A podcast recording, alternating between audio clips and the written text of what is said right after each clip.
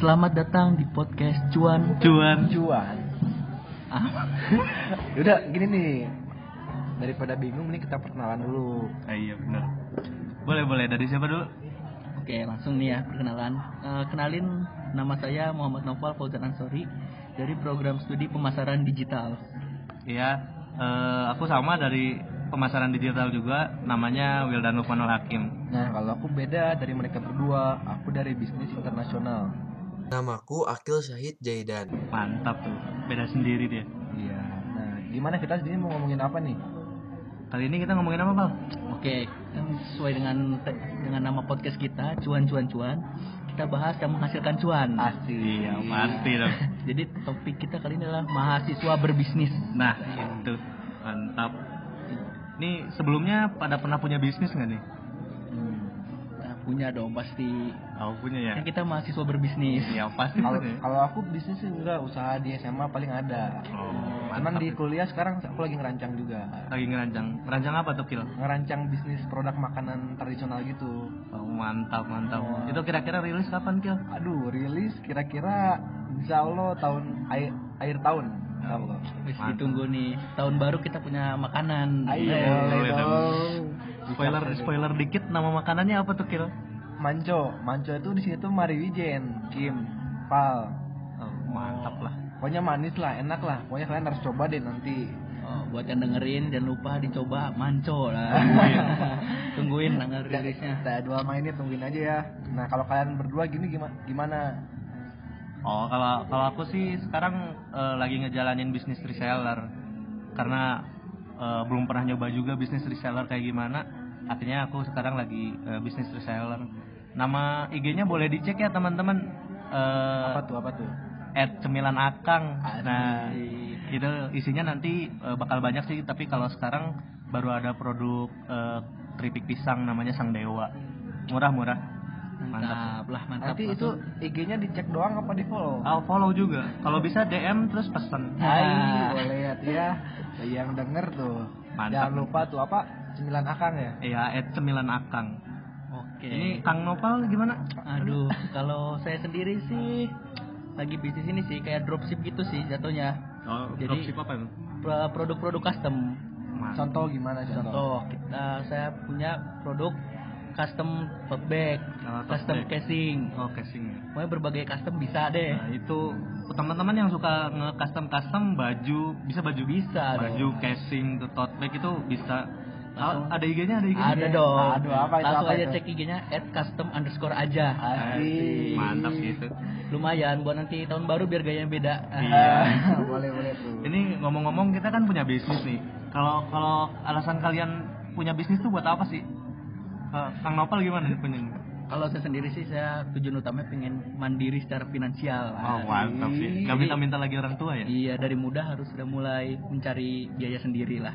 iya sih bener-bener Kalau Kang Hakim, Ah, kalau aku sih sama eh, butuh butuh pemasukan ya sama itu pasti Pemasukan Karena- apa tuh? Ya uang lah pasti finansial.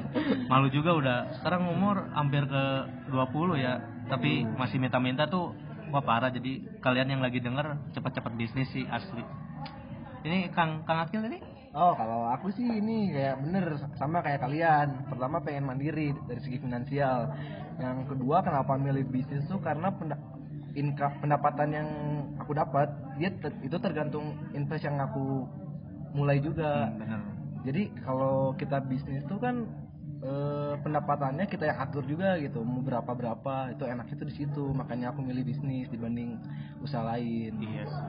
benar sih. Jadi kalau bisnis mah kita kerja keras, hasilnya juga keras. Nah, itu banget. Apa bener. apa yang kita tanam itu yang kita tuai. Bang. Nah, iya bener itu, banget itu. tuh. Nah, kira-kira eh, kendala apa sih yang paling besar selama ini akang-akang semua berbisnis? Kendala paling besar nih dari Kang Akil dulu nih. Oke. Kendala tuh mungkin pertama kalau awal mulai bisnis tuh pertama nyari ide, kedua marketing pertama tuh susah bener. Jadi kita pengen masarin produk kita biar orang-orang tahu tuh itu susah banget. Soalnya kadang narik orang-orang itu yang susah gitu. Kita harus gimana biar orang itu tuh tertarik sama produk kita itu yang susah sih. Bener. Kalau dari kalian gimana gimana? Kalau dari aku ya, Eh, kalau dari aku sih paling ini sih kita biasanya pada berbisnis itu kendala itu di konsisten nah biasa kita tuh suka nggak konsisten nah misalnya kita udah pengen buka usaha nih bisnis ini baru tengah jalan karena nggak laku-laku akhirnya wah udahlah nggak usah nggak jadi. Akhirnya nggak konsisten. Padahal kalau kita mau sukses di bisnis itu benar-benar harus konsisten sih apa pun Iya, kendalanya. ya banget sih. Kalau yang aku denger sih kayak gini, eh, kalau kalau kita punya bisnis tuh kita jalanin dulu tiga bulan. Jadi kalau teman-teman punya bisnis ya, kita jalanin dulu tiga bulan, terus kita evaluasi apa itu ada eh, profit atau enggak. Kalau tiga bulan masih belum punya profit itu cut kita ganti bisnis kayak gitu sih. Jadi bener harus harus harus eh, bertahan sih di bisnis tuh. Nah gitu. yang paling penting sih kalau mau jadi pebisnis tuh harus peka lah Iya sama ja- keadaan. jangan jangan menyerah lah jangan dikit-dikit berhenti dikit-dikit berhenti Nah, coba iya. carilah solusi dari masalah yang kita dapetin Bukan kabur ya. ya jangan kabur semakin kreatif semakin bagus idenya nah bener Iya kan sih bener. Apalagi ngelihat sekarang nih kayak lagi pandemi gini oh langsung bisnis masker eh, Ah iya bener. Sekarang kemarin-kemarin langsung banyak ya masker-masker. iya. ya, nggak nggak ada yang kepikiran bisnis masker? Wah, aduh berat itu buat mahasiswa. Nggak kuat modalnya. Oh enggak kalau kalau mau masker bisa cek aja custom aja. Ah ya itu aja sama masker juga custom ya? Bisa dong mas. Mantap mantap. Gambar apa pun. Bisa gambar apa pun langsung kirim. Nah, Jadi Ah. kalau kalau teman-teman yang dengar punya doi pingin dipasang di masker mukanya itu. Pengen kapelan kapelan. Kapelan. Ah. jadi pas pada deket-deket pipi itu itu kan custom. jatuh. Itu itu custom masker baju celana kan? Bisa bisa. Semua. Semua bisa dikapelin tuh teman-teman. Bener. jadi nggak akan sama lagi sama orang. Kalian duaan cuma sama udah Udah. Kalau aku sendiri sih kendalanya di mental sih. Kadang kalau kalau eh, kita bisnis tuh kadang kalau nggak ada yang beli kita mikir wah ini apa apa ternyata bisnisnya salah atau gimana. Terus kalau harganya menurut mereka terlalu mahal tuh langsung langsung wah ini katanya terlalu mahal makanya nggak laku. Jadi benar-benar nggak boleh insecure sih di bisnis. Jadi buat teman-teman yang lagi punya bisnis setiap bisnis tuh punya pasarnya masing-masing nggak ada yang mahal teman-teman. Jadi itu sih kendalanya di mental Oh. intinya pede sama kualitas produk kita ya. Iya karena ada harga ada kualitas nah, Nah, itu, itu banget, benar. Nah terus ini nih eh, kalian nih sampai sekarang udah punya berapa bisnis sih? Udah pernah nyoba berapa kali bisnis? Karena yakin sih nggak mungkin ini nggak bukan, bukan yang pertama. Iya, nggak mungkin. Pasti pernah lah. Iya iya iya. Sepak terjal atau gimana di bisnis coba kang Akil nih kayaknya pengalaman banget nih. Iya. Kalau aku sih kalau bisnis yang serius itu dimulai waktu kuliah. Soalnya waktu di SMA itu kayak aku bisnis tuh kayak lebih nyari pendap apa ya uang jajan Ya, aja. jajan. iya uang jajan uang jajan aja. Jadi Sama, sama. Ada profit ya udah aku beliin makanan atau buat Iya. main gitu nggak diputar lagi. Nah jadi itu main-main doang nggak serius gitu. Apa berhenti gitu di tengah-tengah lah nggak Iya, sampai dilanjutin. Nah cuman kalau yang aku seriusin sekarang tuh emang bener-bener di struktur Iya, gitu pasarnya. ya? Pasarnya yang manco itu Mari Wijen ditunggu ya teman-teman tahun. Tunggu tunggu. Nah itu tuh emang udah dibikin struktur pasar marketnya mau ke mana yang ngeproduksinya siapa itu udah udah dipikirin dari jauh hari nah itu yang pengen aku seriusin kalau dari kalian berdua gimana nih Kalau dari aku sih sama kayak Akil. Jadi waktu sekolah tuh yang penting punya pemasukan lebih itu udah udah suatu keuntungan gitu. Dan eh, dulu produknya banyak sih, tapi yang pasti makanan soalnya pasarnya juga nggak banyak, cuma anak-anak sekolah gitu. Jadi ketika istirahat dagang gitu bukannya eh, jajan ke kantin ya malah dagang sih lumayan itu keuntungan jadi buat teman-teman yang sekarang masih anak SMA dagang aja asli nanti udah kuliah baru bikin serius kayak sekarang kayak sekarang ini lagi mikir-mikir apa bisnis yang bagus gitu apa yang lagi ngerancang tapi buat sekarang sih aku milih jadi reseller dulu Kang apa ya? Kalau aku sendiri sih sebera- awal mula bisnisnya sebenarnya ini sih gara-gara danus ini. Danus OSIS. Oh, Nah, iya. ada ya tiap sekolah dan sosis Nah dari Danus OSIS itu mulailah ah, akhirnya ah nyobain lah nyoba bisnis. Akhirnya akhirnya kelas 12 tuh nyobain bisnis yang rada serius dikit lah. Hmm. Jersey, oh jersey jersey baju. Custom juga? Bisa custom dong. balik lagi custom aja. Tapi udah berhenti sekarang jerseynya. oh iya Ya paling kalau di jersey itu soalnya kita ah, ngelihat sih waktu itu peluangnya kalau misalkan ada classmate gitu lomba antar kelas Hmm. pasti pada bikin jersey buat futsal Iya, bener, atau bener, bener. jersey kelasnya malah kan nah itu ngeliat peluang akhirnya ya udah cobain. Ah, cuman bertahan satu tahun aja soalnya gara-gara udah lulus juga sekarang. Oh, iya, yang punyanya kan bertiga kebetulan udah pada mencar jadi ya udah. Kerja sama sama teman berarti ya? Iya kerja sama sama teman mantap sih itu asli. Oh iya, dengar Kang Noval tadi dan Husan. Oh ya, aku baru, baru keinget. Jadi SMA tuh aku awal mulai pengen masuk apa ya ada pendapatan sendiri tuh awal mulai itu dari guru. Guru tuh jadi guru di SMA aku tuh pesan makanan gitu ke aku gitu. Aku ngambil dari keluarga. Nah, mesen gitu. Jadi ada sisa, sisanya aku kemas gitu makanan yang gak kejualnya, aku jual lagi ke teman-teman. Nah, itu sih awal mula aku teh apa ya, nyari ber- berusaha lah buat nyari pendapatan sendiri gitu sih. iya sih sebenarnya kalau dari tadi kita bahas-bahas sih sebenarnya yang penting tuh pengalaman juga ya. Ya pengalaman bener. kalau pengen bisnisnya bagus tentunya harus pengalamannya banyak. Suka dukanya harus banyak terutama duka pasti ya. Ya duka tuh wah hal yang bisa kita ambil dari duka tuh banyak banget teman-teman. banyak pelajarannya tuh. Pelajarannya banyak sih. Nah dari pelajaran-pelajaran itu kita pelajari lagi jadi sehingga kita tuh lebih baik. Jadi makin usaha usaha usaha usaha terus berkembang juga jangan kalian udah sekali jatuh langsung udahan lah kayaknya emang nggak cocok Nah, gitu iya, dicoba benar-benar. dulu Nah sama juga nih kalian kalau udah misalkan udah sukses jangan juga juga jangan juga langsung puas gitu. iya Kalian kembangin lagi terus bisnis kalian atau kalian puter ke yang lain. Nah jangan jangan, jangan berhenti di situ. belajar ya. Ya jangan berhenti di situ lah pokoknya intinya. soalnya banyak orang sukses bangkrut lagi Nah, itu bener kata Kang Hakim nih. ngurang lagi dari awal gitu. yang penting mah berani keluar dari zona nyaman Nah, Nah, itu iya. asli buat buat kalian yang pengen jadi pembisnis itu keluar dari zona nyaman tuh penting. Nah, bicara zona nyaman nih, kalian gimana sih cara kalian keluar dari zona nyaman nih? Pertama Ya. dari Kalau dari aku sih, Oh ya dari Kang Hakim boleh. ya dari aku dulu ya. Eh, dari aku, eh, yang penting kita sadar dulu, gi- gini cara mengidentifikasi zona nyaman atau enggak tuh kita tuh udah ada tantangan atau atau enggak di eh, ngelakuinnya. Misalnya teman-teman eh, udah belajar tuh udah udah gampang gitu, memahami eh, pelajaran tuh udah udah gampang. Nah itu itu udah salah satu dari zona nyaman. Coba teman-teman keluar dari zona nyaman itu dan mencari tantangan itu bener-bener beda soalnya apa yang teman-teman keluarkan eh, dari usaha teman-teman itu akan menghasilkan eh, timbal balik yang sama gitu. Kalau teman-teman terus di zona nyaman yang kalau bisa diangkain itu sebagai nol, teman-teman harus berani buat keluar ke angka 2 dan ke angka 2 tuh memang harus ngeluarin tenaga yang emang setara dengan angka 2 gitu. Ya identifikasi dulu lah sekarang teman-teman posisinya di mana, apa masih di zona nyaman atau enggak sih? Iya iya benar. Ya Kang Akil gimana? Kalau dari aku gimana nih kalau dari Kang Akil nih Iya Kang Akil kayaknya Kang Akil tuh pernah pernah jadi keluar dari zona nyaman tuh. Iya aku pernah pernah keluar dari zona nyaman. Di gini dulu tuh kan aku tuh hobi hobi banget ya olahraga sama main game nih. Kalau olah- olahraga sih emang positif lah bagi aku, cuman main game ini no ya, ini nih yang nyita banget waktu. Nah jadi Ya benar-benar. su- susah banget ya kalau kalian tahu apalagi kalian gamers susah banget keluar dari zona nyaman kalian sebagai pemain game. Main game apa tuh Kang? Nah, kalau dulu tuh saya main game Dota nih bagi kalian yang tahu game Dota tuh kayak sekali game main aja itu tuh ngabisin waktu satu jam. Iya benar-benar. panjang ya Kalau Iya. kalau- draft pick ya, eh draft pick apa sih? Alpic, Drift ya? ah, Oh, iya. rengkat. Iya, Alpic yang satu jam ada yang lebih cepatnya tuh kalau nggak salah ada yang. Oh, turbo, turbo. Ah, iya, turbo. Nah, turbo tuh setengah jam lah bisa. Nah, itu tuh kan nyita banget waktu apalagi sebagai pe- pebisnis kan. Iya. Harus banget time management itu harus ba- Iya. bagus banget kan, bener kan? Benar-benar.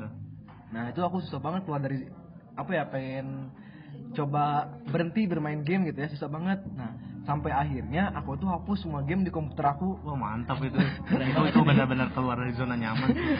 itu tuh ya berat banget mau ngapus game ya awalnya berat banget satu hari setelah ngapus tuh kayak aku tuh nggak ada kerjaan banget Iya, teman-teman bener. nah kayak duh ini gabut gitu pengen apa ya? gitu. Tapi nggak nggak download lagi di HP kan ya?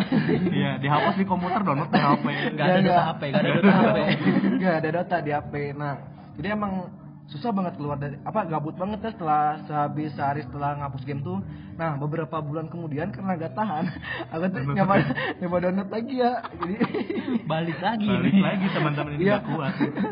karena emang gimana ya karena belum ada kegiatan juga kan di situ tuh kan jadi aku nggak tahu harus ngapain ya udah aku download lagi nah setelah download lagi tuh apa ada rasa titik jenuh gitu ketika main game tuh itu yang alhamdulillahnya aku rasain gitu pas setelah balik lagi ke main Dota alhamdulillah nemu titik jenuh nah setelah itu saya aku hapus gamenya nah alhamdulillah sampai sekarang udah nggak ketagihan nah itu sih gitu sih pengalaman aku keluar dari zona nyaman bener-bener sama kayak tadi Kalau Kang Noval nih, Kalau aku sendiri gitu? sih keluar dari zona nyamannya ya mungkin ini sih kalau aku waktu apa SMA lah. Iya. Jadi nggak nggak mau jadi cuma pelajar biasa aja lah. Iya. Keluar orang-orang kalau pelajar tuh nyamannya udah belajar aja ngerjain Hmm. tugasnya. Iya, iya. Nah, aku tuh Langsung nggak mau. pulang gitu ya? Nah, iya. kupu-kupu lah ya. Kupu-kupu kalau sebutan kupu-kupu. mahasiswa. Oh iya, Kalau mahasiswa. mahasiswa sekarang teman-teman ada bahas kupu-kupu itu. Iya, kupu-kupu. Berarti kan betul kupu-kupu. kuliah pulang, kuliah pulang. Itu nggak boleh ya. Nah, makanya tuh keluar dari zona nyaman, gak mau belajar doang, gak mau belajar apa yang biasa lah. Akhirnya mau nyoba lah masuk ke organisasi. Nah, Kan lumayan nih di organisasi pasti benar-benar keluar ny- zona nyaman dah biasanya kalian bisa santai-santai. Iya, iya benar-benar. Apalagi eh, bisa rebahan atau apalah banyak waktu kosongnya kalau udah masuk organisasi biasa ter- tersita waktunya. Iya. Apalagi kita bahas sekarang ini kita peserta PKPM. Nah. Iya, PKPM tuh Jadi ap- bukti. bentar, bentar, PKPM itu apa ya? PKPM itu apa ya? Iya, PKPM tuh pelatihan pelatihan. kepemimpinan dan profesionalisme mahasiswa Oh, gitu ya. yang diselenggarakan oleh Unpad. BEM Kema FEB Unpad. Oh, Nah, iya, iya, iya. Jadi buat teman-teman yang udah mikir-mikir mau kuliah ke mana, langsung aja FEB Unpad. Nanti bingung masuk FEB Unpad, langsung ngapain? Masuk PKPM. nah, Nanti itu bukti teman-teman itu keluar dari zona nyaman itu. benar-benar keluar. Bener-bener sangat keluar teman-teman. Sangat keluar. Emang apa ya? Kita juga kan di PKPM tuh kayak ngabisin waktu juga yang bermanfaat juga gitu kan Iya. ya. Banyak banget ilmu-ilmunya yang bermanfaat. iya. Iya. Kalau kalau tadi sih nggak nggak nggak ngegame gitu, maksudnya nggak dihabisin ngegame. Iya. Kita Sabtu Minggu PKPM itu masuk Produktif pelatihan. ya. Produktif. Nah, Jadi, untuk untuk para bisnis juga itu bagus banget buat ngelatih time management. Iya benar-benar. kan? Semua skill-skill yang ada di PKPM itu disesuaikan dengan jurusannya yang itu Fakultas Ekonomi Bisnis dan nanti kita outputnya benar-benar berfungsi untuk jadi mahasiswa sih. Eh mahasiswa, pengusaha. Bisa lah, bisa. Kan pengusaha itu kan identiknya sama leader kan. Iya betul. Nah, jadi emang ilmu-ilmu yang kita pelajari di PKPM itu bisa kita terapin gitu di dunia Betul. bisnis gitu kan. Gitu. Ngomong-ngomong leadership nih. Ah, Aduh. iya, apa-apa nih. Menarik kita kan lagi. bahas nih apa sih ilmu leadership yang kalian dapat di PKM ya PKPM yang bisa berguna buat bisnis kalian kalau dari aku sendiri nih ya Ah, iya. Kalau aku sih belajar eh, dari teteh mentor aku Teorija eh, dikasih kata-kata dari Lars Sutman kita- Siapa itu? orang kata-katanya pokoknya eh, great leadership start from self leadership Hmm. jadi kalau kita mau jadi leadership yang baik dimulai dari leadership kita diri sendiri. Ah, iya betul. Karena kita uh, harus leadership diri kita sendiri. Karena kalau kita di bisnis kan pasti memimpin orang-orang. Betul betul. Kalau kita nggak bisa memimpin diri sendiri, gimana mau memimpin orang lain loh? Iya benar benar. Kalau dari aku sih paling itu il- ilmu leadership yang berguna. Pokoknya banyak banget dah di PKPM. Nah, kalau Kang Hakim gimana nih? Kalau kalau aku sih kebetulan eh, kedapatan jadi ketua kelompok ya. Wih. Sama kayak tadi yang bilangin Kang Nopal itu otomatis eh, jadi ketua kelompok tuh belajar buat eh, mimpin juga ya, mimpin teman-temannya biar biar semuanya tuh eh, sukses lah hingga akhir gitu. Kayak gitu sih. Terus eh, aku nemuin sesuatu yang menarik dari mentoring tuh tentang innovation thinking. Kalau teman-teman pengen jadi bisnis tuh pertama teman-teman harus lihat tuh marketnya. Apa marketnya punya pro- eh, problem? Dan teman-teman harus bikin yang namanya problem solving. Dan ketika udah namanya problem solving itu harus menggunakan eh, innovation thinking sih kayak gitu Bagus bener ya. Keren nih, keren. penasaran sama Kang Akil nih Waduh, kayaknya udah disebutin sama kalian berdua nih tentang art leadership. Cuman aku pengen nambahin aja nih sedikit nih ya. Jadi kalau yang leadership di bisnis tuh yang aku pengen itu tuh jangan kita pengen profit sendiri aja, tapi kita Hmm. juga pikirin anggota-anggota di anggota-anggota yang bekerja sama kita juga. oh, bener bener bener Ya, jadi kita juga usahain jadi leader di perusahaan kita itu, kita harus bisa ngembangin juga potensi-potensi merek- mereka. Jangan stuck di situ aja. Itu yang leadership yang aku gambaran leadership yang aku pengen. Ngebahas ke stuck nih. Tadi kan eh, kita bahas topik utama bisnis nih. bisnis sekarang kan udah mulai ba- apa banyak inovasi, terutama Iya, betul, dari betul. digital nih. Ah, iya. Nah, kalian tuh gimana sih eh, ngembangin bisnis kalian di sisi digitalnya loh? Oh, siapa dulu nih? Nah, Aku Kang Akil dulu nih, Kang Oh, Akil nih. boleh Kang Akil. Ngembangin bisnis di digitalnya. Eh, contohnya mar- kayak marketing online gitu ya kan ya? Iya, Ya, bisa contohnya bisa. Ya cara ngembangin bisnis aku tuh aku tuh kayak ntar aku bakal masarin di e-commerce e-commerce gitu. Karena kan mungkin ba- ada oh sebagian orang mungkin yang masih awam untuk dengan teknologi kan. Nah betul aku tuh nanti mungkin bakal ngembangin bisnis aku di e-commerce kayak e-commerce semuanya. Banyak lah e-commerce. Nah terus aku juga bakal promosi juga kayak lewat sosial media entah itu Instagram lain kepada teman-teman ataupun mungkin nanti kalau jangka panjangnya itu akan membuat suatu website gitu Iya. sih. Kalau dari harus sih wajib ya. Ya ya. Kalau sekarang di eh, industri digital itu website wajib kayak kayak kita tuh kalau di offline kita beli tanah di eh, digital kita beli hosting nah itu tuh benar. kayak tanahnya ya, iya itu kayak tanah wadah lah ya iya terus kita bangun yang namanya website di situ Iya. rumah toko lah sebenarnya kalau dari inti bisnis di digital bagi kita nih pengusaha di mahasiswa pasti di sosial media ya pengaruh sosial media itu kuat Betul, banget Pak. ya Pasti. benar-benar apalagi kalau kalian udah mungkin ke ranah yang lebih lanjut ke yang mulai Facebook Ads Betul. atau IG Ads atau udah mungkin sewa inilah apa influencer Iya. nah, Nah, endorse. Lah. endorse endorse. Udah ada yang pernah endorse belum?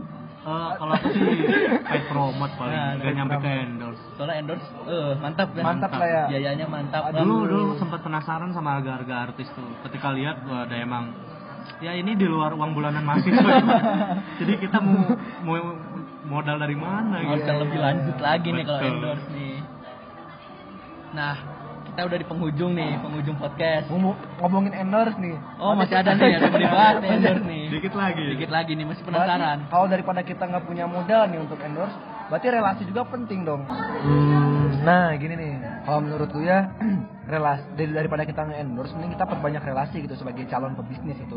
Jadi kita tuh nggak harus ngeluarin modal banyak untuk masukkan Iya, produk kita karena udah banyak relasi juga kan. pergunakan teman dengan baik Nah, Nah. itu benar, benar kata Kang Hakim. tapi Kak, ini juga ya kalian kalau udah banyak relasi juga jangan malu buat ngasih tahu ke teman-teman Iya. biasanya suka gengsi ah nggak enak nih ngasih tahu teman Iya. Nah, dan iya. gengsi lah langsung aja kasih tahu ke teman-teman kalian relasi-relasinya biar makin cepat berkembang bisnis kalian itu.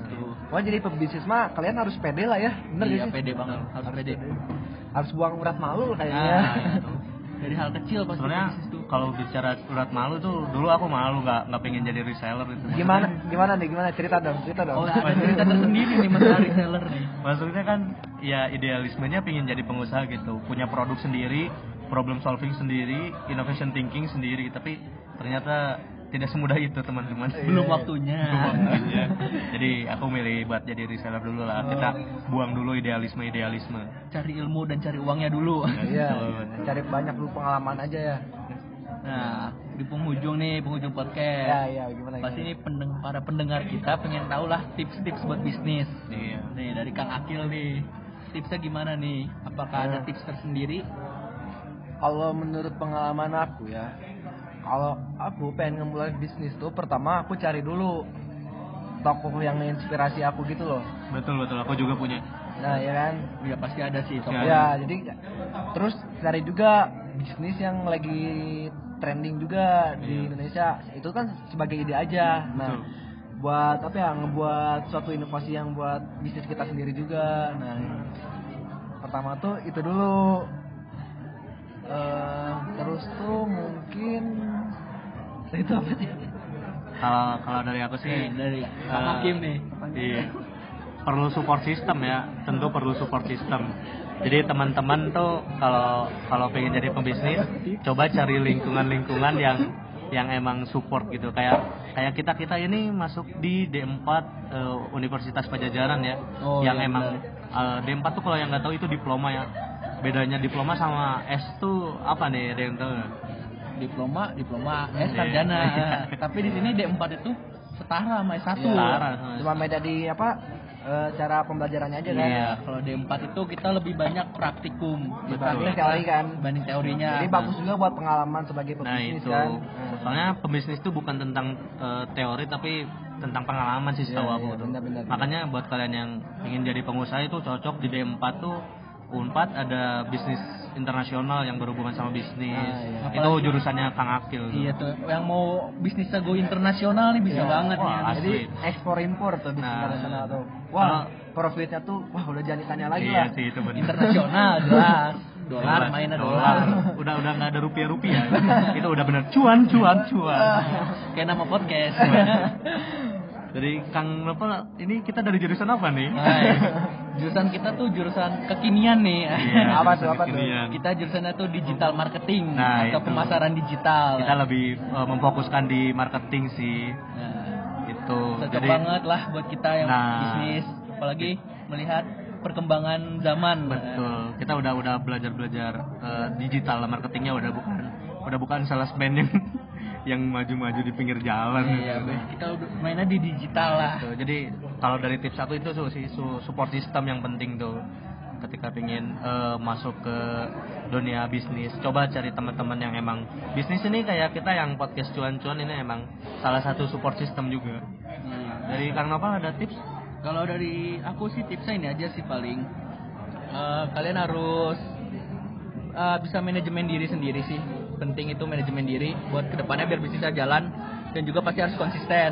Iya betul konsisten penting Konsisten. Sama ini sih paling kalau pengusaha tuh biasanya ini pebisnis peka sama keadaan sekitar. Jadi ngelihat ada masalah apa, oh ini bisa di bisnis ini. Iya, itu sih kayak masker-masker ya sekarang. Ya, apalagi masker-masker di pandemi kayak gini, masker, Hand sanitizer. loh.